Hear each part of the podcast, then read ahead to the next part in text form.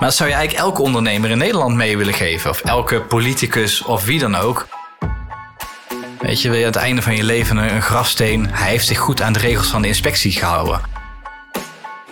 Want het beste argument tegen iemand die uitlegt het kan niet is hier is het al gedaan. En eigenlijk wil je nog een stap verder gaan. Want eigenlijk wil je dat het onderwijssysteem voorloopt. Ik zoek vooral mensen die het systeem wel snappen, maar er niet in geloven. Eigen, wijs en inspirerend. Een podcast over leidinggeven in het onderwijs. Onderwijs is van groot belang en het ligt vaak onder een vergrootglas. Wie geeft hier sturing aan? Welke dilemma's kom je tegen? Hoe kan je je hier het beste toe verhouden? Hoe krijg je het onderwijs en de organisaties in beweging? Wat drijft deze mensen? Vanuit welke gedachten handelen zij? In deze podcast komen leidinggevenden aan het woord die dat dagelijks met veel plezier en toewijding doen. Mijn naam is Frank Schildkamp en ditmaal ben ik in gesprek met Taal Koenderink, onder andere de oprichter van de School of Understanding. En zoals het in het onderwijs betaamt, starten we de kennismaking met het Vriendjes en Vriendinnetjesboekje. Naam, Tel Koendrink, uh, geboortedatum, 20 september 1981. woonplaats, Ik woon in Amstelveen. broers, zussen, Ik heb drie zussen. Twee ouder en één een stuk jonger. burgerlijke staat, Ik ben gehuwd. kinderen. Ik heb drie schattige dochters. Welke leeftijd? Zijn, oh, dan zijn meteen trick questions waar ik al diep over na moet denken. 12, 10 en 2,5. Mijn collega's kennen mij als. Zo, eh, nou, ik ben wel de huis-ADHD'er volgens mij. eh, altijd all over the place. En geen gebrek aan enthousiasme, misschien wel een gebrek aan structuur. Als de wekker gaat, denk ik. Ja, ik ben altijd wel enthousiast wakker, zeg maar. Dan eh, ben ik wel klaar om met de dag te beginnen. Ik begin mijn dag altijd wel met tijd voor mezelf. Dat vind ik wel belangrijk. Daarom sta ik behoorlijk vroeg op.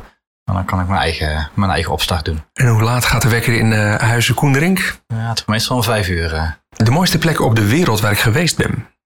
Oeh, dat is wel lastig. Nou, ik zeggen dat wel weinig Hawaii getipt heeft, zeg maar. Dat eh, inderdaad eh, live in, eh, in een soort, soort van Bounty Island onder een waterval staan in het echt is toch wel een hele nieuwe beleving. De beste uitvinding ooit. Ik kan natuurlijk echt een soort van hele filosofische antwoorden geven als het vuur was een goed begin.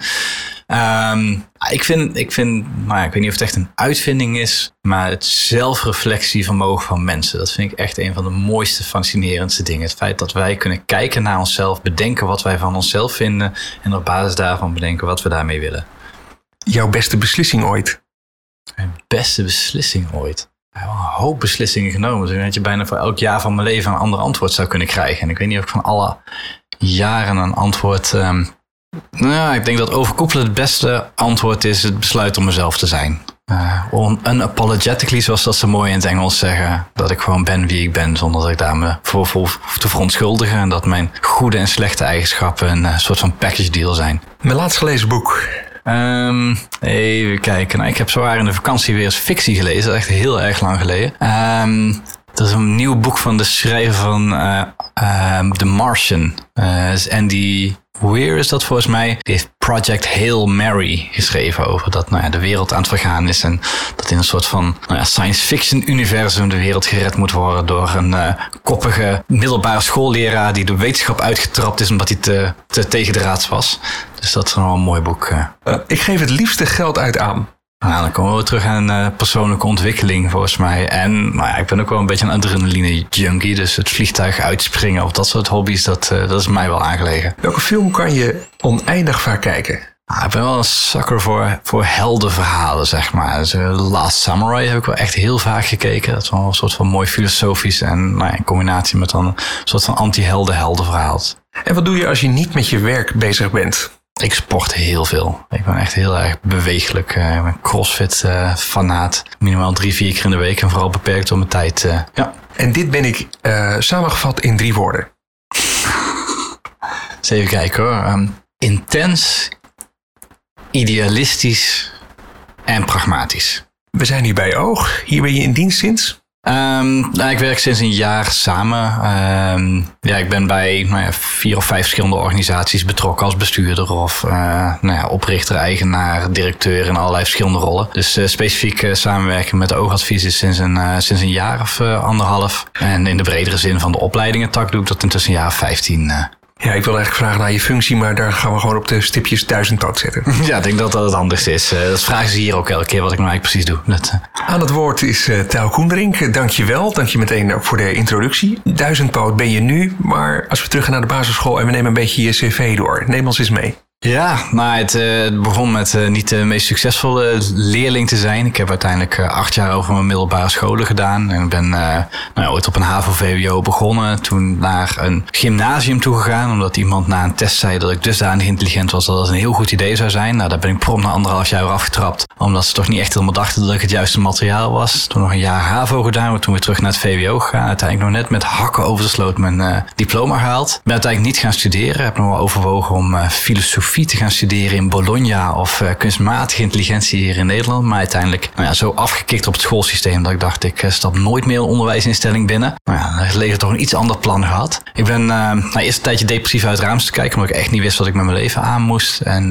ben uiteindelijk een IT-bedrijf begonnen. Ik heb sinds mijn 15 als bijbaantje wat programmeerklussen gedaan. Um, en dat eigenlijk vooral gebruikt, en dat volgt natuurlijk een beetje uit het antwoord, waar geef je je geld aan uit om een heleboel persoonlijke ontwikkelingstrainingen te gaan doen. Weet je, ik ben ooit met uh, Stephen Covey begonnen met de zeven eigenschappen. Maar heb ook allerlei NLP-training, geheugentraining en dat soort dingen gedaan. Uh, eigenlijk altijd gefascineerd met hoe werkt menselijke hersenen en uh, zo in Amerika terechtgekomen bij een club Project Renaissance die creatief probleemoplossingstechnieken ontwikkelde. En ik was er als 22-jarig mannetje of zo ben ik daar uh, executive director geworden. Wat meer zei over de chaotische associatieve creativiteit van de mensen omheen dan mijn competenties, denk ik. Maar het was een prachtige manier. Ik ben uh, nou, in totaal denk ik negen maanden in de VS gewoond, samengewerkt met allerlei onderzoekers en trainers op het gebied van creativiteit, versneld leren en dat soort dingen. En zo kwam er een soort van frictie tussen mijn baan, wat nou ja, uh, complexe data-analyse uh, maken was. En nou ja, waar ik eigenlijk wakker van werd, is met, met menselijke ontwikkeling bezig zijn. En zo ben ik bij de Leonardo Stichting terechtgekomen. Uh, die was bezig met scholen opzetten voor hoogbegaafden. Omdat ik dan ook een vastgelopen hoogbegaafde was. Dacht ik, nou, misschien kan ik wel helpen. Want een van mijn vragen was altijd, hoe kun je nou leren leren? Weet je, hoe doe je dat nou eigenlijk? Het is niet gewoon alleen een boek pakken en kijken. Maar er zijn blijkbaar allerlei technieken achter. Als ik die twintig jaar geleden had geweten, dan was ik schoolsysteem wel beter doorgekomen. Dus zo ben ik groep hoogbegaafden gaan begeleiden. Nou ja, zo ben ik uiteindelijk in het bestuur van de Leonardo Stichting gekomen. En heb ik de eerste op de eerste school lesgegeven als vakdocent. Ook leren, leren en leren ondernemen. De eerste tien scholen begeleid. Nou ja, uiteindelijk lag ik niet helemaal in lijn met de visie daar. Die toch wat meer op uh, expansie drift. En uh, nou ja, wat mij betreft toch, leunde toch wat tegen eliteonderwijs aan. Terwijl ik eigenlijk juist vanuit die zorg en die ondersteuning visie kwam. Um, dus daar is Novlo uit ontstaan. Een uh, opleidings- en adviesdienst. Eigenlijk gericht op, nou ja, hoe... nou ik hoorde net in je eigen introductie uh, wat uh, over is. Ik weet niet of het narcisme of uh, idealisme is. Maar ja, die bijdrage willen leveren aan de wereld. En denken dat je daar misschien iets over te zeggen hebt. En mensen reageren nog enthousiast op ook. Dus nou ja, toen, dat is uiteindelijk uitgegroeid tot een man of 25. Een aantal boeken geschreven samen met onder andere mijn collega Roland. Over nou, hoe, hoe onderwijs dan anders kan. En eerst heel erg vanuit die getalenteerdheid. Hoe kun je een getalenteerde leerling daar meer uithalen? Maar ja, wat je meestal ziet, zowel aan de onder- en de bovenkant, is dat met de outliers bezig zijn. Juist de niet-gemiddelde ga je veel fundamentelere vragen stellen over wat is leren nou eigenlijk? Wat is leerpsychologie? Waarom leren mensen? Wat is motivatie? En die antwoorden zijn redelijk universeel. Dat gaat hem niet over hoogbegaafdheid of talent of wat dan ook. Dat gaat over de fundament van het onderwijs. En nou ja, van daaruit kwam een beetje de vraag van ja, is het niet Weet je, bijvoorbeeld hoogbegaafd onderwijs, maar ook speciaal onderwijs, is er niet pleisters plakken op een systeem wat gewoon zo ontstaan is. Um, en kijk, zolang het jaarklas-methodesysteem centraal blijft stellen, ja, dan moet je een heleboel pleisters erbij gaan maken om dat sluitend te krijgen. Maar dat is niet het enige systeem, het is niet de enige oplossing. Dus van daaruit dat ik uh, als adviseur betrokken raakte bij uh, een groep mensen die een school wilden opstarten. Uh, ik had toen al nou ja, de onderwijsadviesdienst waar ik directeur was. Ik had intussen ook een opvanglocatie voor hoogbegaafde dropouts eigenlijk doorgestart, uh, waar ik bestuurder van was, Phoenix Talent. En dan nog een, een school uh, waar ik dan in het bestuur zat. Nou, het start van een innovatieve school is tamelijk intense tak van sport. Dus nou uiteindelijk was ik de enige die na enige tijd daar nog langdurig mee door wilde gaan. Dus toen vond ik mezelf in één keer als directeur-bestuurder van een, van een kleine eenpitterschool, zeg maar. die net een heleboel chaos over had gehad. En nou ja, eigenlijk leer ik zo het beste. Gooi me in diepe, dan leer ik wel zwemmen. Ik heb even zitten tellen. Jij bent 421 als ik het zo. Ja, dus als je dat uh, soort van uh, qua tijd achter elkaar zet, ja, dan denk ik dat het aardig, uh, aardig uitkomt. Ja. Nee, nee, wacht even. Je hebt het gezegd 1981. Ja. Wat een, wat een, wat een tropenloopbaan dan zo, of niet? Nou ja, wat, wat ik altijd. Ik, ik, weet je, ik heb. Um, ik heb. Nee, intensiteit en het idealisme kwam net al voorbij. Dat. Um, nou ja, ik denk dat dat vooral zeker uh, tussen mijn 20 en de 30 de belangrijkste drijfveer was om gewoon overal ja tegen te zeggen. En, nou ja, ik heb best wel een sterke werkethiek, denk ik. En uh, ik ben best taai. Dus nou, als je gewoon genoeg uren maakt, dan, dan kom je een eind. Nou, het krijgen van een gezin geeft je daar wel een ander perspectief op. Want dan ga je iets anders naar je prioriteiten kijken. En de afgelopen jaren ben ik veel meer bezig met waar kan en wil ik een verschil maken. En waar heb ik nou unieke sommige dingen kunnen heel veel andere mensen ook. En sommige dingen nou, kan ik dan misschien meer of anders dan anderen. En waar kan ik dan een verschil maken?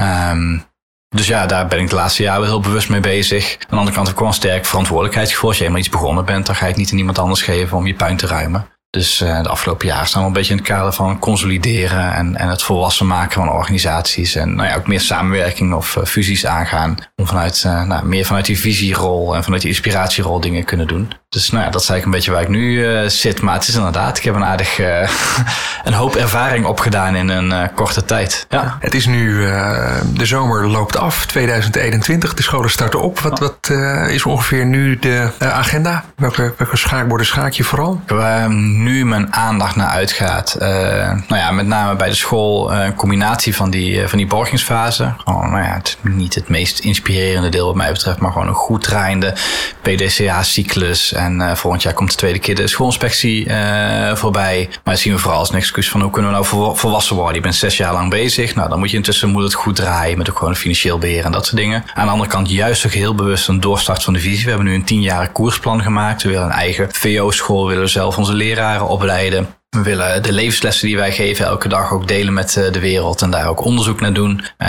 nou ja, gespecialiseerd passend onderwijs bieden, dus minder kinderen naar, naar gespecialiseerde voorzien. Dus heel erg vanuit die visie bezig. In um, nou ja, mijn opleidingen uh, tak ben ik heel bewust bezig met het overdragen eigenlijk van de operationele taken. Heel blij en gelukkig met uh, Roland en Jeroen die hier nu uh, directeur geworden zijn. En de dagelijkse leiding geven aan het team. Waardoor ik vooral nou ja, vanuit visie, visie nieuwe producten kan ontwikkelen. We gaan nu aan de ene kant een toptalentenopleiding opzetten. Van hoe kun je nou kinderen die super getalenteerd zijn helpen. Maar aan de andere kant ook juist kinderen die belemmeringen hebben. En autistisch spectrum of ADHD hoe kun je daar nou op een passende manier mee omgaan zonder met labels te strooien? En ik zit in uh, redelijk wat uh, soort van complexe trajecten waarbij dan wel uh, bestuur en samenwerkingsverbanden er niet zo goed uitkomen over hoe kunnen we nou met bijzondere groepen leerlingen of thuiszitters omgaan. en ook soms wat analyse voor OCW of dat soort dingen. Het is eigenlijk een beetje een breed scala, maar daarin komt er weer een beetje de school vanuit pragmatisme. Je moet het in de praktijk doen. Ik kan alleen maar grote bek op een podium hebben, dat is, dat is best makkelijk. Maar laten zien hoe dat in de praktijk werkt het werken met complexe, meervoudige situaties vind ik altijd ontzettend interessant. Um, en ook heel leerzaam, want dan leer je het systeem echt kennen. Toen ik startte, weet ik veel, 10, 15 jaar geleden. Nou, toen was het antwoord op alles, dat mag niet van de inspectie en de wet kan niet. Nou ja, tussen 15 jaar verder zijn er bijna geen dingen waar ik nog uitkom waarbij de regelgeving je tegen zit. Het is bijna altijd cultuur, competenties, uh, mensen die samen eigenaarschap voelen om iets op te lossen. En als dat er is, dan kun je de meest complexe thuiszitter kun je opgelost krijgen, zeg maar. Um, maar als je het eigenaarschap niet hebt, dan kun je een leerling die gewoon wat moeite heeft met zijn CITO-scores, uh, is, is onhelpbaar, zeg maar. Wat is nou de rode draad vanaf uh, ongeveer de eerste ICT-vaardigheden tot aan nu? Heb je, heb je hem ontdekt? Waar, waar zit het? Um, nou, voor mij zit het in dat speelveld van, uh, van idealisme en pragmatisme. Altijd dromen van een betere wereld. En nou ja, bijna de obsessieve drang om daar in de praktijk iets mee te doen en niet alleen op je stoel te blijven zitten en iets over te roepen. En die heen en weer gaan en, en, en, dat target schuift dan een beetje. Dat begon ooit met hoogbegaafden en dat werd toen wat meer onderwijs en toen innovatief onderwijs en nu meer soort van vanuit een systeem gedacht hoe kunnen we maximaal bijdragen aan kinderen. Um, maar dan constant dat terugbrengen naar de vraag met van waar ik nu sta, wat zou dan de volgende stap kunnen zijn. En het is voor mij ook best wel een existentiële vraag, want ik maak me best wel zorgen om de toekomst. Dus kijk naar de komende 20 jaar, komende 30 jaar. Nou ja, zowel sociaal gezien, dat sociale ontwrichting is wel echt een behoorlijk risico wat we denk met z'n allen lopen. Technologisch denk ik dat een hoop mensen geen idee hebben wat erop staat te wachten als we kunstmatige intelligenties en robots naar een volgend niveau gaan uh, trekken. Wat dat aan job displacement doet. Nou, we zitten nu in een periode natuurlijk net Amerika, uh, Afghanistan en weet ik wat allemaal meegemaakt hebben. Nou, we zijn nog niet eindeloos getalenteerd met z'n allen om daar een passend antwoord op te vinden. Dus Ik wil eens eh, met je inzoomen straks op wat komt op ons af, ook op dat leidinggeven. Maar eigenlijk is die rode draad, althans daar is die een beetje begonnen, ook dat hoogbegaafd. Hè? Daar, daar uh, ben je mee aan de slag gegaan. En ergens zei je net, uh, dat begon een beetje op eliteonderwijs te lijken. Een van de vormen, het Leonardo-onderwijs, dat, dat kreeg gauw dat gevoel. Ik ben in Amerika ook rond gaan reizen. Dus ik ben ook op particuliere scholen van 50.000 dollar per jaar geweest voor hoogbegaafden. Dus ik heb wel de hele range gezien. En nou, ik heb een opvanglocatie voor hoogbegaafden, gedeprimeerde, existentieel de weg kwijt zijnde hoogbegaafden. Dus ik heb de hele range gezien. Um, nou ja, voor mij hoogbegaafdheid aan zich uh, betekent niet zo heel veel meer. Eindeloze discussies over is je nou wel of niet hoogbegaafd. Dat betreft geloof ik wel echt in passend onderwijs. En de filosofie erachter van we moeten naar die ondersteuningsvragen. Hoe kunnen we iemand ondersteunen om tot bloei te komen? Dat, dat is onze gezamenlijke opdracht. En of dat nou, nou ja, weet je, dat kun je aan IQ hangen met een kind van IQ van 70 of eentje van 145. Maar de vraag is hetzelfde. Wat kan ik doen om jou tot bloei te laten komen?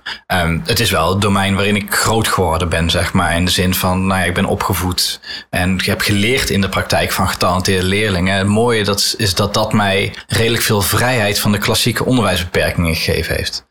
Want in klassiek onderwijs gaan we ons heel veel zorgen maken over het centraal eindexamen en CITO's en dat soort dingen. En dat belemmert een beetje ons, onze lef om te gaan innoveren of uit te proberen. Want straks gaat het mis en dan gaat het mis met mijn CITO of mijn toetsen. En dan wordt de schoolinspectie boos en dan gaat het mis. Nou, en die, die getalenteerde leerlingen die, die zijn veel extremer in heb je je basisvoorwaarden op orde als je het goed leert om, lukt om leerlingen te leren leren, als je die pedagogische omgeving goed in kunt richten, als je ze gemotiveerd kunt krijgen, dan zijn die CITO-scores geen enkel probleem. Maar is die pedagogische omgeving een puinhoop, weet je ze niet aan te zetten in leren en studievaardigheden, is die levenshouding niet oké en is, het klimaat niet fijn, ja, dan kun je er met de beste wil van de wereld, met alle didactische tools die je hebt, komt er niks uit. En je wordt veel meer uitgenodigd om veel minder in dat, dat primaire didactische, ik heb een boek en dat moet ik over de muur heen flikkeren, zeg maar, uh, te blijven zitten. En dat is toch zeker onder stress, zie je vaak die, die leiding naar boven komen. Dat je veel meer eronder gaat zitten. Wat zijn nou, ja goed, in mijn geval is de conclusie een beetje, wat zijn die, die, die meta-leervaardigheden, die metavaardigheden, wat is die levenshouding die erachter zit? Wat is de zelfkennis die een zelfbewustzijn dat iemand moet hebben? En nou ja, hoe ziet dat eigenlijk ontwikkelingspsychologisch? Wat kun je in welke leeftijd van kinderen verwachten? als je die dingen goed inricht, dan zou voor iedereen het onderwijs beter zijn. Dus dat is eigenlijk mijn verschuiving van de afgelopen jaren om te kijken of je die lessen juist breed uit kunt zetten. Ik heb twee van de jongens die op een hoogbegaafde groep uh, zitten, zeg maar. Nou, ik heb twee gelukkige kinderen, dus dat laat mij achteroverleunen. Maar ik weet wel, ooit bij een discussie, toen dacht ik ook... ik ga toch eens vragen, hoeveel jaar heeft deze school nodig... met het oogoppassend onderwijs... om deze kinderen weer in een reguliere groep uh, mee te laten draaien? Dit was een soort. Ja, men kon niet zoveel met mijn opmerking, want ze waren zo blij met die hoogbegaafde groepen. Nou ja, maar de, te, de tegenhanger, kijk, ik zou het meer uh, omschrijven. Uh, kijk, in Nederland, dat past ook een beetje bij de Nederlandse cultuur, is, de, is dat meedoen met de reguliere groep is, is, is een van de kerndoelen die we met elkaar impliciet geformuleerd hebben. Want we hebben hem nergens vastgelegd, hij staat niet in de wet, hij wordt niet uitgesproken, hij staat niet in de kerndoelen. Maar in onze cultuur zit dat dat een van de hoofddoelen is. Nou, daar, daar kun je nog een discussie over beginnen, want als je kijkt naar je eigen vriendengroep en mensen die je ziet, dan is dat bij heel weinig mensen maar een complete precieze doorsnede van de Nederlandse maatschappij zoals we proberen eigenlijk in met name het basisonderwijs te creëren. Dus nou ja, je zou daar al wat van kunnen zeggen. Maar voor mij is, als, als je het dan een, een doel maakt, dan is het een van je ondersteuningsvragen. Het is één van de doelen en die moet je afzetten tegen de andere. En dan kun je een keuze maken. Is, is maximale talentontplooiing of didactische ontplooiing, is dat belangrijker of minder belangrijk dan deel van een groep uitmaken? Nou, daarvan zeggen de meeste mensen, nee, deel van een groep uitmaken is minimaal zo belangrijk of die socialisatie precies als zo belangrijk. Nou, daar kun je iets van vinden. Ik heb er niet eens een heel sterke mening over. Um, de andere kant is, als een kind existentieel depressief wordt en suicidaal wordt op het moment dat we hem dwingen om in een niet passende omgeving te zitten met begeleiders die niet de competentie hebben om te begeleiden, ja, dan moeten we denk ik met z'n allen zeggen dat we liever toch een bepaalde vorm van segregatie accepteren dan dat we, uh, dan dat, we dat die ondersteuningsvraag van socialisatie centraal stellen. Ja, maar is eigenlijk met, wat mij betreft met elke specifieke zorgvraag die zo dusdanig is dat het in de reguliere groep niet meekomt, mogen we het speciaal onderwijs eh, in Nederland koesteren. En waar, en, en, waar ligt dan de grens? Als we dan bijvoorbeeld over talentontplooiing hebben, hebben we het ervoor over dat we 95% van je talent inleveren voor socialisatie. Is een heel andere discussie dan gaan we die laatste 2% gaan we die claimen door je apart te zetten. Nou ja, en daar ergens, die, die nuance verdwijnt in elk gesprek. En dan zie je bijna altijd dat beide partijen het extreme nemen. Degene die gaat verdedigen dat ze apart moeten, die gaat zeggen: Je wil alle talent van mijn kinderen opofferen. Je wil dat mijn kind van de brug afspringt om in de klas te krijgen. En degene die zegt: Nee, maar iedereen moet in de klas zitten. En je bent niet bereid om je kind in de reguliere omgeving te zetten. En je bent niet bereid om maar 1% van zijn talenten voor op te geven. Het zijn gewoon twee compleet verschillende discussies. Die mensen hebben niet hetzelfde gesprek. Het klinkt wel alsof jouw visie daarop een soort door is ontwikkeld in de afgelopen jaren. Zeker, ik, ben daar, ik was daar wel uh, ongenuanceerder in. Um, het scheelt dus ook wel dat we meer oplossingen hebben. Uh, kijk, het scheelt, als we zeggen met z'n allen, we zetten alle kinderen in klassen met twaalf leerlingen, twee universitair geschoolde onderwijsassistenten erbij en een pedagoog. En daarin kunnen we overal die ideale soort van droom Maria Montessori omgeving creëren. Dan ben ik echt de eerste die zegt dat we overal alle leerlingen bij elkaar moeten zetten. Maar als we dan zeggen, we hebben 29 kinderen in een klas zitten en een leerkracht die net zijn tweede jaar uh, van de PABO afgekomen is. En we zeggen, nou ja, we hebben er ook nog eentje die op het autistisch spectrum zit en eigenlijk een structuurklas nodig heeft. Maar in het kader van integratie willen we hem regulier hebben. En hier hebben we ook nog een kind dat eigenlijk 3,5 jaar voorloopt op de reguliere stof. En die vinden we ook belangrijk dat hij bij zijn leeftijdsgenoten zit. Ja, dan, gaat de draaglast, zeg maar, de complexiteit die we opleggen bij die leerkracht ver voorbij aan, aan, aan zijn draagvermogen. En dan hebben we niemand geholpen, want dan heb jij de hele klas waarschijnlijk opgeofferd. Want er is geen enkele leerling die die daar passend onderwijs krijgt. Ik, ik zit naar je te luisteren. Dan schiet bij mij het voorbeeld binnen. De, de school zei, we willen een uh, hogere ouderbijdrage... zodat de kinderen van die specifieke groep ook vaker naar het museum kunnen. Toen dacht ik, dan sla je volledig de plank mis. Omdat je bij wijze van spreken elk kind in zijn aanraking moet laten komen... met musea, met cultuur, met muziek. Met nou ja, dingen die niet helemaal in die CITA-toets komen. Nou ja, en, en, dan kom je natuurlijk bij die complexe vraag van... wanneer, welke is het wat? Als het gaat om het ontwikkelen van een positieve, constructieve levenshouding... daar horen alle kinderen iets voor te krijgen. Dus dan moet je niet alleen met een klein groepje kinderen bepaalde experimenten gaan doen. Aan de andere kant, nou ja, weet je, moet dan waar ik wel een beetje het, cheetah-probleem. Stel je voor dat we een, een, cheetah hebben en die laten we alleen maar konijntjes vangen. Daar kan een cheetah niet op volgroeien. Die heeft een gazelle nodig om te kunnen rennen, want anders ontwikkelt hij zijn spieren niet. En hetzelfde geldt dan wel voor een getalenteerd kind. Als hij alleen maar te makkelijke opdrachten zwaar onder zijn niveau geeft, dan kan hij daar geen leervaardigheden mee leren. Dat is gewoon onmogelijk. En dan is het wel onze opdracht om te zorgen dat daar een leerboek ligt en een les en een, uitdagend materiaal, waardoor je dat ontwikkelt. Maar het gaat niet alleen maar over dat, dat een hoogbegaafde die dan een plusklasboek zou moeten hebben, maar het geldt ook voor een voetballer die niet bij zijn lokale team achteraan moet blijven rennen, omdat die andere anders zo verdrietig worden als hij wat harder gaat lopen. Weet je, dat, dat, die uitgangspunten zijn hetzelfde, alleen cognitief kun je er niet zo makkelijk, snappen we het niet zo makkelijk en zien we het niet zo makkelijk. We gaan eens kijken of we je visie hierop kunnen ook koppelen ook aan het, aan het leidinggeven. Ik bedacht mij, ik was toevallig in de buurt van Amstelveen aan het interimmen. En na de zomer opende daar ineens de School of Understanding. Ja. Dus het schiet me ineens te binnen. En dat deed nogal wat, merkte ik ook met de scholen om die school heen. En ergens daartussenin was je al zichtbaar. Neem ons eens mee in die periode als je wil. Ja, nee, zeker. Nou ja, die, die beginperiode was ook wel uh, voor mij wat zoeken. Want ik was dus deel van het bestuur samen met een aantal anderen... die eigenlijk zelf heel erg sterk in die positie waren van... wij willen graag een nieuwe school uh, starten. En nou ja, goed, ik had natuurlijk al een beetje een rijtje gegeven... van alles wat ik al op mijn bord had. Dus ik was niet per se aan het solliciteren naar nog een organisatie. Dus origineel zou ik vooral vanuit nou ja, visie en inhoud dat doen. Ik heb ook wat informatieavonden georganiseerd. dat was ook redelijk zichtelijk in, uh, zichtbaar in, uh, in Amstelveen. Um, nou ja, en, en daarvan denk ik wel, ik ben wel samenwerkender geworden. Ik was wel uh, wat, wat, wat meer anti-systeem, zeg maar. En, en had een mening over mensen die niet snel genoeg veranderden. En intussen ben ik daar wel genuanceerder in geworden, omdat ik zie hoe complex het onderwijssysteem is, hoe complex die opdracht is. Maar het heeft inderdaad wel wat teweeggebracht in, uh, in Amstelveen. Uh, nou ja, en dat is ook deels debat aan onszelf, dat we dat niet samenwerkend genoeg opgestart hebben. Aan de andere kant waren het ook niet een lange rij met uitgestoken handen om te helpen. Want nou ja, ook de omgeving die omarmde verandering ook niet echt met heel veel enthousiasme. En nou, gelukkig hebben we elkaar intussen wel meer gevonden. Dat het inderdaad in samenwerking dat we elkaar zijn gaan waarderen en, uh, en gaan ondersteunen. Maar dat klinkt een beetje als jouw eerste leidinggevende rol. Hè? Er was wel vanuit die advies en betrokkenheid, maar dit was ineens eindverantwoordelijke uh, tijl, of niet? Ja, maar ja, ik was altijd wel vanuit die eindverantwoordelijke rol de opleidingsinstituut. Ik ben daar echt de oprichter van. Ik ben de directeur ook geweest. Maar het is wel een verschil om, om nou ja, van één iemand naar twee iemanden naar, naar, naar zes iemanden zeg maar, te gaan. Dat, dat begint heel kleinschalig en is overzichtelijk. Ja, op een gegeven moment zit je daar en daar met een team van dertien mensen of zo tegen tegenover je eindverantwoordelijk voor een school. En voor mij is het wel de, de um, onderwijs is wel eindverantwoordelijkheid voor kinderen is wel echt best een heftig thema. Uh, en ik merk dat een heleboel mensen, en misschien is dat ook eigenlijk een veel gezondere manier, dat niet echt binnen laten komen. Maar dat je echt bedenkt, de keuzes die ik nu maak, die hebben gewoon impact op het leven van kinderen. En nou ja, deels moet je jezelf ook niet groter maken dan het is. Want nou ja, mensen vormen zichzelf en ongeacht wat je doet. Aan de andere kant, nou ja, kun je best wel wat foute keuzes maken. En, en is dat best wel ingewikkeld. En nou ja, dat, dat, nou, het thema is natuurlijk een beetje leiding geven.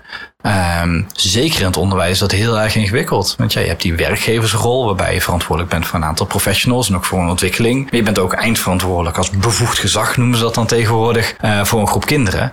Ja, en, en het balanceren tussen die verantwoordelijkheden. Ja, een teamlid heeft misschien wel tijd en ruimte nodig om in de komende twee jaar een aantal lessen te leren. Maar ja, moeten die 25 kinderen dan, of die 30 of 35 kinderen dan maar anderhalf jaar lang suboptimaal les krijgen? Omdat mijn team nog aan het leren is hoe ze dat moeten begeleiden? Uh, ja, dat zijn echt super complexe vragen. Um, nou ja, die, die mij ook wel echt bezighouden, zeg maar. Ik denk dat het moeilijk is. Nou ja, ik, ik kan me ook moeilijk voorstellen dat mensen dit een makkelijke baan vinden, zeg maar. Um, Wat is jouw uh, visie op leiderschap? Nou, ik, mijn uitdaging over leiderschap is dat ik er makkelijk vier dagen over praat, zeg maar. En moeilijk in twee zinnen iets coherents kan, uh, kan zeggen. Ik denk dat nou, een van de belangrijkste dingen die ik wel echt geloof is voorleven. je kunt niet van mensen iets verwachten wat je zelf niet doet of niet bereid bent om te doen. Dus dat, ik denk dat dat wel een soort van uitgangspunt hoort te zijn. Wat voor mij niet is, want dus ik vind dat sommige mensen wat idolaat zijn van je mag alleen maar als je leraar bent, mag je directeur worden of zo. Ik heb maar hele slechte directeuren die vroeger hele goede leerkrachten zijn geweest. En andersom hele goede directeuren die nooit voor de groep hebben gestaan.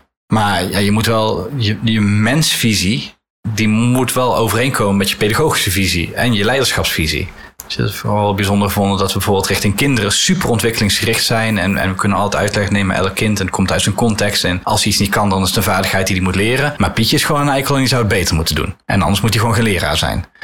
Weet je, dat, dat, ik vind dat moeilijk in mijn hoofd te rijmen, want het zijn allebei mensen. Dus in allebei de gevallen uh, hebben ze recht op een ontwikkelproces. Alleen als leidinggevende krijg ik dan buikpijn van welke keuze moet ik dan maken? Want moet ik dan Pietje nog wel voor de groep zetten als Pietje er niet toe in staat. Of nou ja, we hebben nu een leraar tekort. Weet je, moet ik dan een suboptimale leraar aannemen of niet? Uh, nou ja, zo is eigenlijk het praktische deel van leidinggeven vind ik echt geen rocket science. Weet je, een beetje budgetten, formatieoverzichten en zo. Nou, dat, dat, dat zijn gewoon vaardigheden die iedereen kan leren. Maar echt met je hart open, kwetsbaar je opstellen, die vragen stellen. Uh, nou, hier is een leerling met een passend onderwijsvraag, maar het gaat ten koste van zeven andere leerlingen. En hier heb ik een leerkracht die, als ik hem harder achteraan dan, dan raakt hij misschien overspannen. En ik heb geen vervanging of wel vervanging. Wat voor keuzes ga ik daarin maken? Ja, het zijn super fundamentele vragen die operationeel heel makkelijk af te handelen zijn.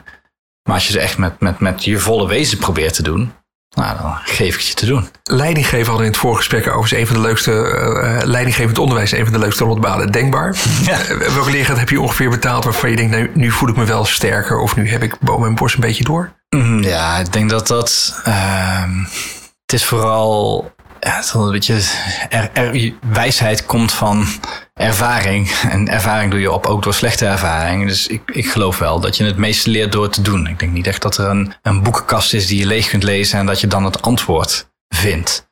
De belangrijkste vraag is of je zelf reflectief kunt blijven. Ik denk als je ooit als leidinggevende denkt ik ben klaar, dan heb je eigenlijk al verloren, zeg maar. Want er is altijd een nieuw complexiteitsniveau, een nieuwe uh, nieuwe nuance. Ik denk dat mijn, mijn grootste les is wel die, die nuances vinden, zeg maar uiteindelijk doet iedereen zijn best binnen zijn mogelijkheden. Dat is een van die, uitgangspunt van LP volgens mij. Dat binnen de, de, de, middelen die je hebt, doe je het beste wat je kunt. En dat geloof ik echt. Nou, dat kan dramatisch slechte resultaten opleveren. Echt hele vreselijke resultaten. Maar het is nog steeds iemand die... Er is niemand die wakker wordt en denkt... laat ik het leven van een paar kinderen verzieken, zeg maar.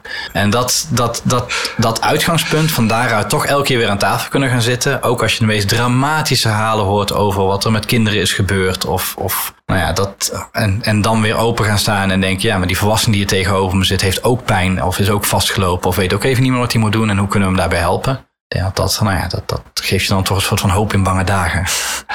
Je gaf aan hè, het mooie verschil tussen 15 jaar geleden en nu. Bijna, bewij je doet de school open om de inspectie te bewijzen dat je deugt. En eh, die zit veel meer op afstand. Uh, toch zijn er veel systemen, schoolsystemen, soort helemaal op slot. Wat, wat, moeten leidinggevenden het onderwijs eh, minder doen of mee stoppen? Nou, ik, ik zou het eerder omdraaien. Wat ze, wat ze wel moeten doen is helder hebben wat je wil. Weet je, waarvoor ben jij nou leraar geworden? Waarvoor ben je nou schoolleider geworden? Op een gegeven moment in een, um, een time management cursus in het onderwijs uh, discussie gehad van, ja, weet je, wie moet er aan het einde gewonnen hebben?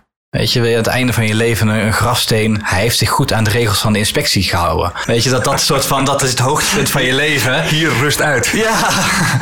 Of dat je zegt, weet je, hij had ruzie met elke, elke, elke regelgevende instantie die er te vinden is, maar hij heeft wel voor kinderen gevochten.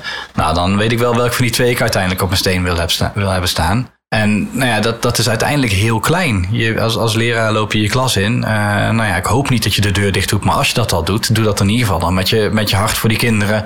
En dat je denkt, ik heb liever ergens ruzie. En dat ik voor die kinderen heb gedaan wat ze nodig hadden. Dan dat ik die kinderen iets te kort doe. En ik heb, ik heb ergens een vinkje gehaald. En dan is ook nog eens een keer de praktijk dat ik eigenlijk maar heel weinig regels tegen ben gekomen. die je verplichten om iets anders te doen. Die hebben we onszelf opgelegd. En die hebben we in besturen en structuren en weet ik wat allemaal ingericht. Maar er is geen wet in Nederland die je verplicht om groepspannen in eindeloze papieren tijgers te gieten en, en alles uit te werken of dat soort dingen. Je moet erover nagedacht hebben. Je moet weten dat het doelmatig is, dat het rechtmatig is. Het moet, het moet onafhankelijk vast te stellen zijn dat het niet iemands persoonlijke mening is. Maar dat zijn allemaal denk ik best wel terechte criteria. En tuurlijk, wij moeten ook af en toe wel een, een, een beetje een blauwe ronde doen en ergens iets op papier zetten wat we niet willen. Eh, meer dan we zouden willen. Maar ik kan niet met goed fatsoen zeggen dat dat de reden is dat ik niet kan doen voor kinderen wat ik wil. Dus heb helder wat je wil en wat je, wat je voor kinderen wil bereiken. En als je ze creatief wil maken, ga aan creativiteit werken. Als je ze levenslessen mee wil geven, ga dat doen. Als je ze een bredere wereldbeeld wil meegeven. Weet je, we kunnen wel doen alsof het hele onderwijssysteem vol zit, maar we hebben het zelf volgepland. Waar ben je het allermeest eh,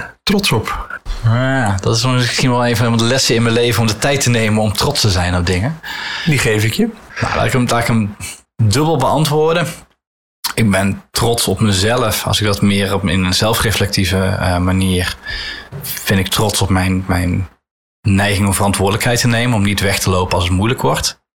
Ik heb een heleboel uitnodigende momenten gehad dat ik het er neer had kunnen leggen en ik gekozen heb om door te gaan. Dus dat dat, vanuit dat perspectief. Als het gaat om trots op, op anderen, dan, dan is de, de School of Understanding wel hetgeen waar ik het meest trots op ben. Als ik daar naar binnen loop en dan, dan zie ik een groep kinderen met levenslessen bezig zijn. Nou ja, dan hebben ze, uh, hebben ze met een groep 8, uh, is er een groep 8 sportdag voor de hele gemeente. En dan is er een of andere hardloopwedstrijd. En hebben ze het kleinste mannetje hebben ze naar voren geschoven om namens onze school de hardloopwedstrijd, want die wilden het gewoon heel erg graag. Dat alle anderen soort van staan te roepen van waarom zou je dat nou doen, want je verliest. En nou ja, dat dat zeg maar in onze cultuur zit om met elkaar gewoon te kijken hoe kunnen we dit leuk maken met elkaar. En hoe ook de anderen aanmoedigen, zeg maar, als die aan het lopen zijn en dat soort dingen. Nou ja, dan denk ik van, dan hebben we echt iets meegegeven aan een soort van de toekomstige wereldburgers. Uh, ja, daar kan ik echt heel trots op zijn om, om daar iets aan bij te dragen. En dan zeker als ook anderen komen kijken en denken dat er nog iets te leren valt ook. Ik denk dat is, dat doe ik even uit mijn hoofd, School of Understanding 2015, 2016, eerste locatie. 2015, ja. Uh, waar, waar, staan we nu op? Het is één locatie. Het is uh, 230 leerlingen zitten we, zitten we nu.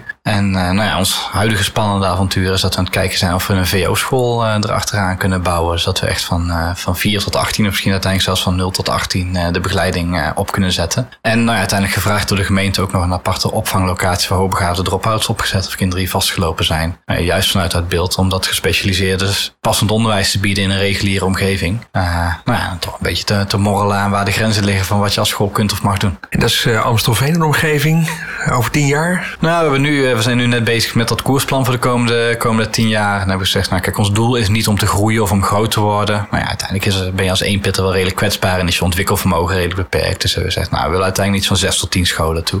Uh, en dan is inderdaad nog de vraag of je dat dan landelijk gaat verspreiden of allemaal een beetje bij elkaar in de buurt houdt. Dus dat zijn de vragen waar het komende jaar mee bezig gaat. Maar het is, en dat geldt voor heel veel van de dingen die ik doe, die zijn niet echt gedreven op, nou ja, moet je meer geld of meer personeel of, of groter of dat soort dingen. Maar het is vooral een inhoudelijk doel. En, en voor mij is het dan vooral het, laten zien dat het kan. Daar zit voor mij wel een soort van be bewijsdrang in. Als, als er een filosofische, theoretische, idealistische manier is hoe je onderwijs beter zou kunnen geven zonder ja-klasmethodesysteem of levenslessen in het onderwijs zou kunnen geven, dan moet je niet alleen op het podium blijven staan, maar nu een plek vinden om het in de praktijk te laten zien. Want het beste argument tegen iemand die uitlegt het kan niet, is hier is het al gedaan. En nou ja, dat is eigenlijk wat ik altijd wel aan het opzoeken ben. Die, die ontwikkelwerkplaatsen om, om te laten zien dat iets wat misschien tien jaar in de toekomst een goed standaard idee kan zijn, dat we nu kunnen laten zien dat het kan. Omdat daarmee nou ja, het beeld van mensen geopend wordt dat het mogelijk wordt. Wat zie ik dan anders als ik de School of Understanding binnenloop dan een gemiddelde basisschool, denk je? Nou, ik denk een aantal dingen die, die op zullen vallen is eerst uh, nou ja, dat we dus niet met dat jaarklas methodesysteem werken. We werken. Wij noemen dorpen. De meeste scholen zouden units of bouwen noemen, maar dat we in groepen van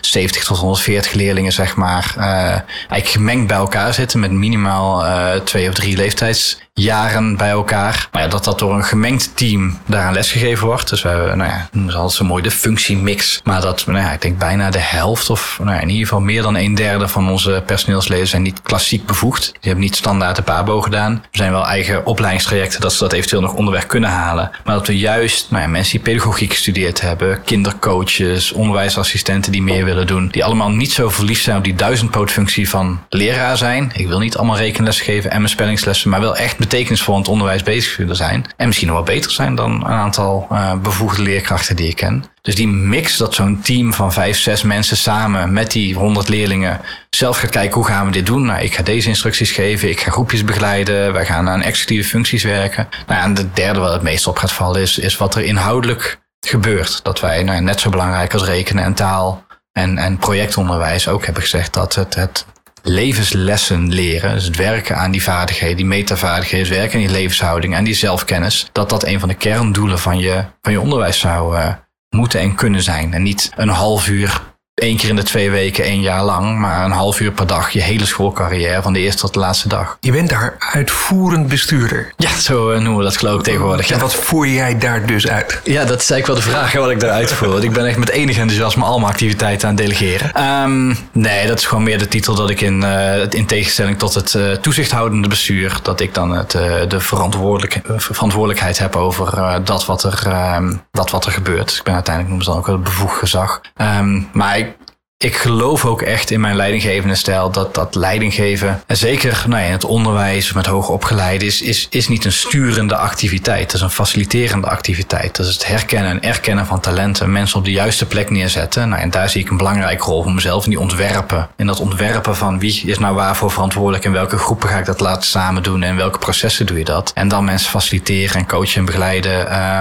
om dat te kunnen doen. Dus mijn rol ligt dan vooral zeg maar, tussen de Raad van Toezicht en, uh, en de directie. Uh, wat uh, vier leerkrachten zijn, overigens drie leerkrachten en, en, en een office manager die, die zelf doorgegroeid zijn en zichzelf gekwalificeerd hebben in de zin van wij vinden er iets van en wij willen er iets mee doen. En die we nou coachend langzaamaan steeds meer verantwoordelijkheden zijn gegeven die nu zelfstandig hele school, hele school draaien. En dat we eigenlijk samen naar de, naar de gidsen van de schoolleidingsopleiding zitten te kijken en denken ja, er valt niet zo heel veel meer te leren zeg maar daar. ik weet niet of je er wat aan hebt. Dus dat we aan het kijken zijn, ja, wat voor leerpad is, is voor jullie nou het volgende? Hoofdstuk. Ik snap wat je zegt, maar kan je iets uh, noemen waarvan je zegt, maar daar, daar zijn mijn mensen veel meer bij gebaat dan, uh, dan wat er nu aangeboden wordt? Nee, het zijn denk ik veel meer, uh, maar ik geloof dat eigenlijk bijna overal dat praktische vaardigheden is het gevolg van, van diepere vraagstukken. En ik denk dat, dat het bezig zijn met bijvoorbeeld morele vraagstukken, dat zou mij briljant lijken als ik ze daar drie dagen naartoe zou kunnen sturen. Je hebt aan de ene kant heb je een leraar die, uh, die tijd nodig heeft, aan de andere kant heb je leerlingen die nodig heeft. Weet je, hoe ga je die keuze nou maken? Um, en ook een soort van metavaardigheden als leidinggevende. Je hebt een aantal nieuwe leerkrachten en die hebben eigenlijk wat meer sturing en structuur nodig. Aan de andere kant heb je wat oudgediende. Als je daar gaat beginnen over sturing en structuur, dan plakken steeds plafond. Nou, hoe kom je tot zo'n gemeleerd sturingsmodel? Nou ja, en dan uh, kom je wel meer, natuurlijk, je hebt een aantal opleidingen tot vakbekwaam schoolleider of zo beginnen wat meer te ontwikkelen. Die wat meer met dat soort vraagstukken bezig gaan. Nou ja, een van de, en daar ben ik er ook zelf mee begonnen. Uh, Expeditie Leiderschap samen met, uh,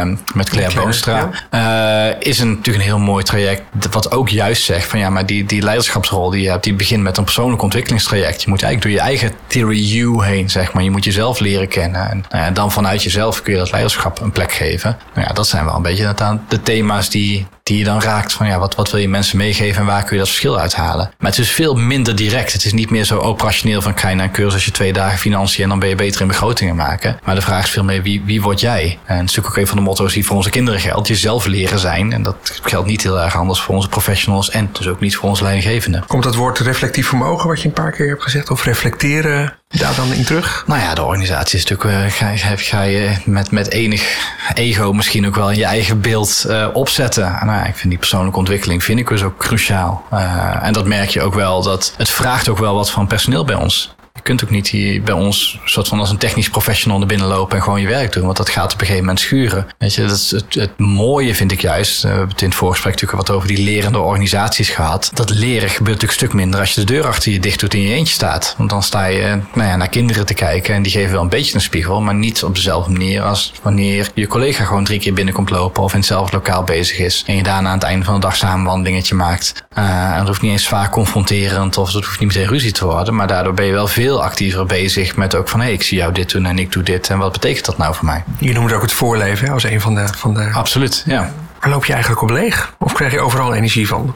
Nee, ik heb genoeg energie lekker. Dat is, uh, nou ja, de, de, twee, twee uitersten daarin is um, aan, de ene, uh, aan de ene kant is die structuurkant. Ik weet dat organisaties en mensen het beste functioneren bij goed ontworpen structuur. Liefst eentje die zo goed ontworpen is dat die bijna onzichtbaar is. Maar daardoor komen mensen beter tot hun recht. Dat is eigenlijk een beetje zoals van ja, een gebouw bouw je ook op een, een stalen frame, zeg maar. En ik weet dat het nodig is. Ik ben, ik ben volgens mij ook nog wel redelijk goed in het ontwerpen van die dingen. Maar ja, ik heb dus ook wel geleerd dat alleen het ontwerpen, dan is je werk nog niet klaar. Daarna dan volgt nog een periode om dat in de praktijk te brengen. Nou, dat is wel zoeken met mensen. En ik zoek ook wel met name creatievelingen en, en nou ja, intense, begeisterde mensen om me heen zijn niet degenen die dat van nature automatisch overnemen. Nou, om dat stuk in te richten en daar ook weer een team bij te vinden die je daarbij helpt, dat kost me wel veel energie. Uh, dat, is, dat moet ik wel een soort van mijn eigen ADHD compenseren, zeg maar. En mijn neiging om, uh, om elke keer weer een nieuw systeem te verzinnen of iets anders te gaan doen. En dan gewoon weer terug te pakken. Nee, we hebben samen een jaarritme gemaakt. En dat jaarritme gaan we ook netjes uitvoeren. Uitvoeren, want worden we allemaal beter van. Dat, um, nou ja, dat doe ik uit discipline, maar niet uit natuur. Mijn andere uh, lek, mijn complexiteit zit een beetje in mijn, mijn, mijn persoonlijkheid. De, de balans aan de ene kant tussen een soort van mijn nou ja, ambitie, maar vooral mijn, mijn inhoudelijk idealisme. Dat ik echt het beste wil voor kinderen en de beste oplossingen het belangrijkste vind. En dat ik wel een vrij sterke, nou ja, empathische, maar bijna pleasende neiging heb. Dat ik ook wel heel graag wil dat mensen zich fijn voelen. En dat levert, dat kost me veel energie om in gesprekken en in interacties met mensen de balans tussen die twee te vinden zonder uit te schieten. Ik kan vrij scherp, scherp uitschieten de, de idealistische kant op. Dat ik gewoon echt, ik zal eens even vertellen wat ik ervan vind, maar dan ook rukzichtloos. Zonder dat mensen dan nog heel veel uh, relatie over overhouden. En ik kan te veel op de relatie gaan zitten, waardoor ik zelf baal van het feit dat het idealisme zo ver uit de ruimte verzenen is. En dat balanceren is wel een, eh, een persoonlijke uitdaging voor Heb je daar een soort uh, truc voor jezelf of een handvat gevonden wat je daarin helpt? Of is dat continuous learning? Nou, dat is wel continuous learning en persoonlijke ontwikkeling. En dat, dat varieert van, weet je, ik heb op een gegeven moment een tiendaagse meditatieretraite gedaan. Uh, waarin ik nou, veel meer mijn eigen lichaamssignalen ben gaan, uh, gaan ontdekken. Als, als mijn neus begint te tintelen, dan weet ik dat ik gevoelens aan het onderdrukken ben dat ik ergens iets van vind. Uh, dat merk ik dan niet zelf. Dat merk ik pas een dag later of zo. Dat ik denk, oh, dat gesprek liep anders dan ik dacht. Maar nu ik meer op mijn lichaam weet te letten, uh, gaat dat beter. Um, een van de vragen die ik me echt heel vaak stel is van, weet je wat, wat, wat wilde ik ook alweer uit deze situatie? Weet je, waar, waar waren we nou heen aan het gaan? Niet alleen voor mezelf, niet vanuit een ego-perspectief, maar nou ja, we zijn samen ergens heen aan het gaan.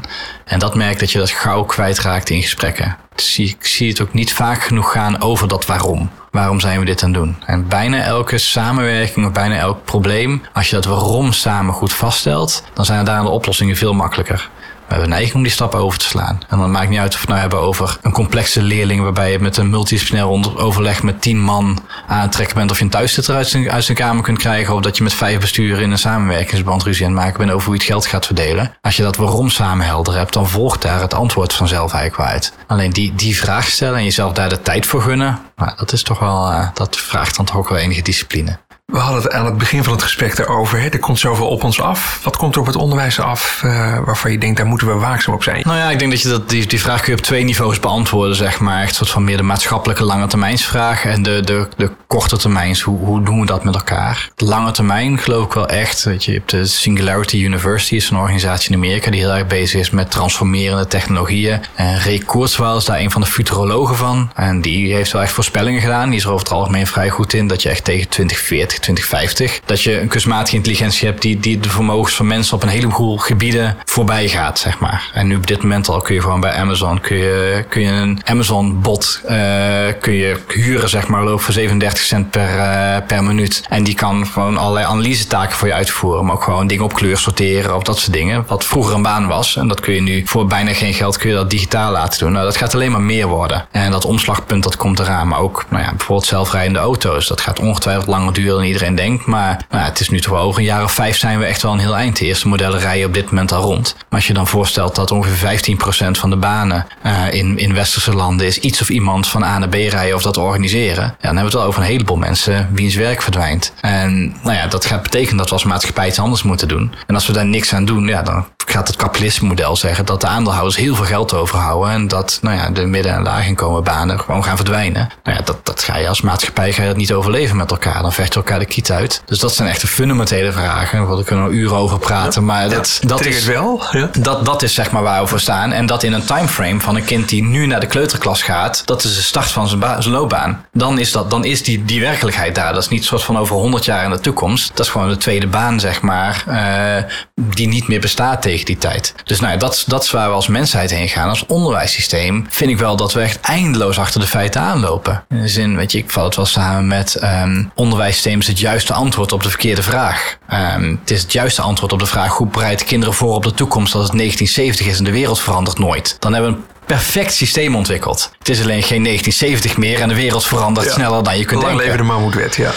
Ja, nee, die is goed, goed ontworpen voor het begin 1980, zeg maar, weet je. Dat, en daar hebben we de jaren 90 mooi mee gemaakt, zeg maar. Maar dat is geen antwoord op hoe ga je met bitcoin gedereguleerd om, zeg maar. Um, nou, en vanuit dat perspectief zou je eigenlijk willen, uh, de eerste nou ja, de eerste stap die je zou moeten maken is dat het onderwijs niet meer achter de feiten aanloopt. Weet je, dat, uh, dat we twintig jaar geleden hadden moeten beginnen met e-maillessen, zeg maar. Want dat was de kernvorm van de uh, communicatie die er toen aankwam. Wat zal het over twintig jaar zijn? Dus nou, überhaupt om bij te zijn en kinderen af te leveren en, en mensen af te leveren die in die wereld kunnen functioneren. Ben nu maar eens een middelbare school en bedenk wat je beleid met mobiele telefoons is. Je kunt het wel verbieden, dan heb jij geen probleem meer. Maar daarmee hebben we het maatschappelijke vraagstuk niet opgelost. En eigenlijk wil je nog een stap verder gaan. Want eigenlijk wil je dat het onderwijssysteem voor loopt. Je wil met je keuzes van het onderwijssysteem wil je gaan sturen waar de wereld heen gaat. Wil je bijvoorbeeld zorgen, ik heb het net over van als je die kapitalistische, bijna dystopische toekomst niet wil, dan moeten we gaan sturen op misschien een meer utopiaanse socialistische visie van een, een uh, gezamenlijk inkomen of dat soort dingen. Maar dan moeten we nu mensen gaan begeleiden in het beantwoorden van complexe morele vragen. Ik heb op een gegeven moment een, de school van de kinderen van Elon Musk mogen bezoeken in, uh, in Amerika, echt in de raketfabriek van SpaceX. En zij hebben zeggen, we hebben maar twee doelen. Kinderen moeten betere probleemoplossers worden en betere mensen. Ze hebben echt een PhD in moral philosophy, is daar de directeur van. En ze hebben, we constant bezig, want dat zijn de hoofdvragen over 20 jaar. Complexe problemen oplossen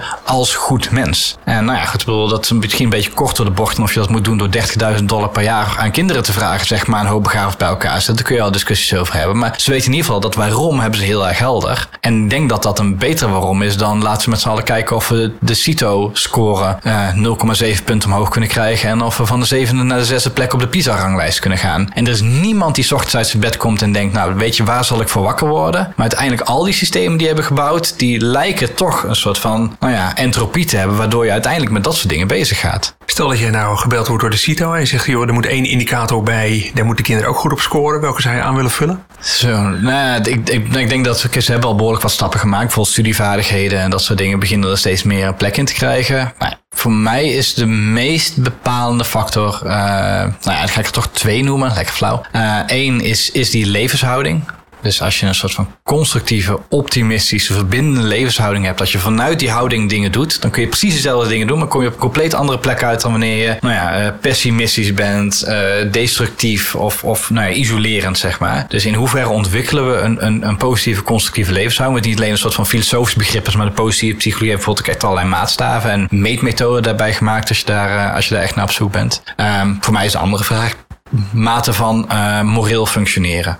Uh, Lawrence Kohlberg is een van de klassiekers, maar zeg maar in hoeverre kunnen wij voorbij gaan aan die, die basale morele niveaus van, nou ja, als ik maar win en jij verlies, of als ik geen straf had, dan, dan, dan was ik niet fout. Maar dat we kinderen kunnen begeleiden naar, naar een soort van hoger moreel perspectief, dus ook bezig te laten gaan met morele vraagstukken. Want die houden we nu eigenlijk weg bij kinderen, omdat we ze een beetje ingewikkeld vinden over het algemeen. Dat we juist daarmee aan de slag laten gaan, um, zodat ze er eigenlijk op voor bereid zijn. Dat is een van de voorbeelden in, in uh, die school van, uh, van Ad Astra, zeg maar. Dus die school in Amerika. Is dat ze daar kinderen heel veel uh, resource-based spelletjes laten doen. Een beetje à la risk of zo, weet je. Dat je kunt spullen kopen en verkopen. En dan kun je handelen met anderen of je kunt oorlog voeren. Maar wat zij doen is dat maakt ze steeds complexer. Om het steeds meer overeen te laten komen met, met de wereld. Dus in het begin is het gewoon, nou ja, ik heb stukken en jij hebt stukken. En ik moet jou doodmaken, zeg maar, qua risk. Maar op een gegeven moment komen er complexiteiten bijvoorbeeld bij. Van oké, je, je, je kunt winnen en groeien. Maar er is ook een soort van gemeenschappelijke pot die onderhouden moet worden. Want als die gemeenschappelijke pot niet onderhouden wordt, dan verliest iedereen. Alleen dan kom je in een gegeven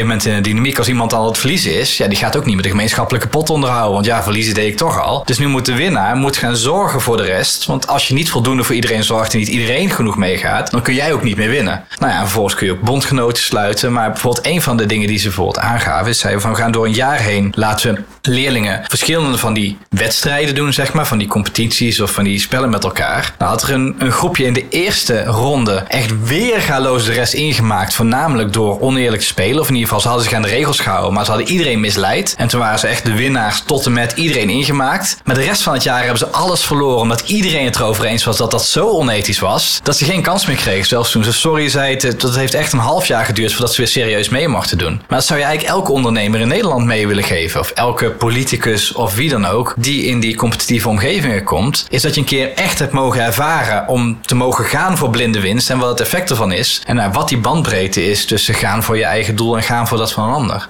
als je dat soort lessen aan kinderen mee kunnen geven voordat ze de wereld ingaan, dan gaan ze ook meer nadenken over hoe ze gaan stemmen. Of hoe ze als leidinggevende in de wedstrijd zitten. Of hoe ze nou ja, met hun eigen belastingaangifte omgaan. Uh, we waren vertrokken vanuit uh, uh, leidinggeven. Er zitten ook beginnende leidinggevenden wellicht in de trein op weg naar, naar hun opleiding te luisteren. Wat zou je de beginnende leidinggevenden mee willen nemen, gebaseerd op je eigen ervaringen? Nou, ik zou, de twee, ik zou je uit willen nodigen om twee dingen uit elkaar te trekken. Ehm, het ontwikkelen van de vaardigheid als leider. En daar zit gewoon een aantal, weet je, je moet gewoon budgetten kunnen maken. Je moet formatie, je kunt, je kunt het niet leuk vinden, je kunt er niks mee vinden. Maar dat zijn de tools waarmee jij je keuzes, alles wat je in je visie hebt zitten, dat gaat via die tools de wereld in. Dus je kunt nu al proberen met een, een 6 min dat vak door te komen. Maar maak daar het meeste van, want dat is, dat is uiteindelijk je gereedschapskist. Maar zie dat los van jouw persoonlijke ontwikkeling als leider. Waarbij je kijkt, hoe kan ik nou ja, vanuit mezelf leider worden. En misschien een van de meest invloedrijke inzichten die ik daarin heb gehad, is um, dat ik op een gegeven moment het boek Tom Rath heeft het boek geschreven Strength Finder. Uh, Strength Finder 2.0 geloof ik zelfs. En die hebben op een heel analyse manier kun je dan een vragenlijst invullen. En dan krijg je de vijf eigenschappen van jou als leider. Er zijn natuurlijk 80 van dat soort modellen.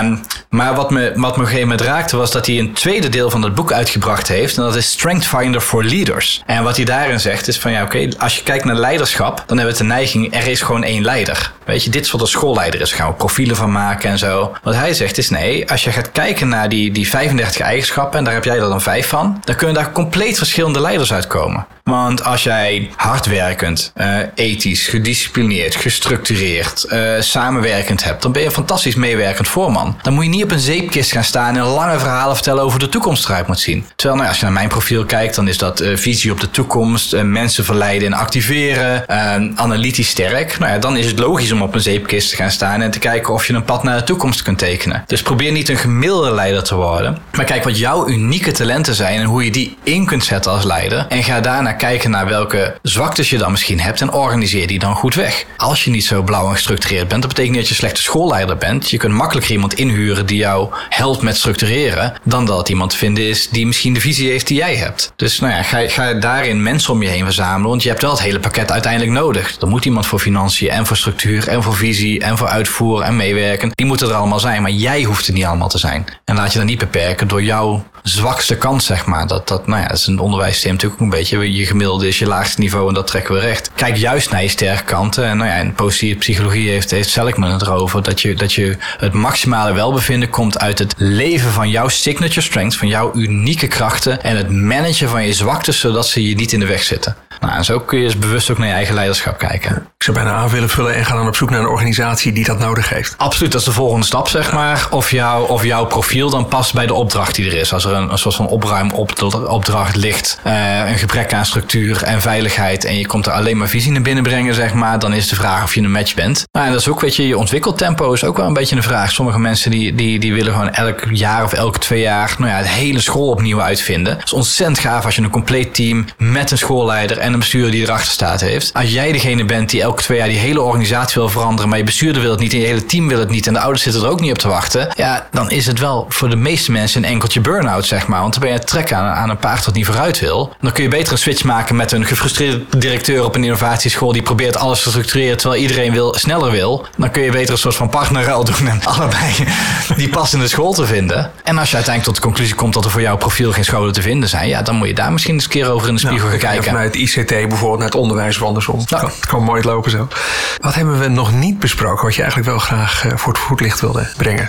Nou, wat we deels besproken hebben, maar wat ik misschien nog aanvullend wil, wil benadrukken, is de constante zoektocht van hoe kun je nou ja, vanuit je visie en vanuit je idealisme blijven vechten voor het allerbeste wat je kunt vinden. En kun je dat combineren met eigenlijk twee verschillende kanten. Aan de ene kant verbinding met de mensen om je heen. Het feit dat je verder of harder wil of ergens anders heen wil, betekent niet dat je, niet te betekenen dat je mensen kwijt moet raken, zeg maar. Want er zit tegenover je iemand die het ook gewoon goed bedoelt. En pragmatisme. Want uiteindelijk, nou ja, zeker in het onderwijs, doen we het in best wel een complex systeem. Omschrijf het ook wel eens met, ik, ik zoek vooral mensen die het systeem wel snappen, maar er niet in geloven. En dat is een beetje de zoektocht in het onderwijssysteem. Want het systeem is zo complex dat je heel gauw verleid wordt tot de gedachte: het kan niet of het is te moeilijk of dat soort dingen. En uiteindelijk is het gewoon één grote lange optelling van heel veel arbitraire regels. Die onderwijswet is eindeloos lang met voor elke uitzondering is er iets bedacht. Aan de andere kant, bijna alles wat je wil doen, kun je doen. Want er zitten voldoende uitzonderingsmogelijkheden in. Dus je, dat pragmatisme hebben en, en je niet kapot vechten op van nou, er staat hier een wetgeving dat het niet mag. Nou, dan ga je het op een andere manier doen. En doe dat in verbinding met elkaar. Een beetje lef en ondernemingsgeest. Ja, maar wel met realisme voor het feit dat het in de praktijk moet landen. Je had het al even over de cheetah. Daar ken ik je van. Dus voor degene die zitten te luisteren, google even op Tijl en cheetah. En, uh, ik zie hem op het... Uh... Bestaat er al een cheetah die Tijl heet? Of hebben we in Nederland nog wat, uh, wat te doen? Oh, daar hebben we misschien nog wel een mogelijkheid ja. dan. ja, zeker.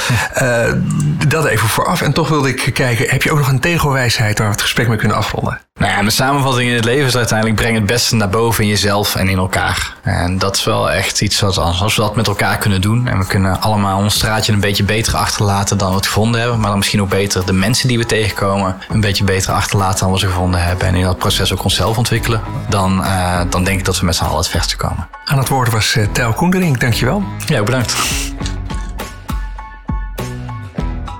Welke inspirerende leidinggevende wil jij wel eens aan het woord horen? Laat het me gerust weten via frank.schildkamp.bmc.nl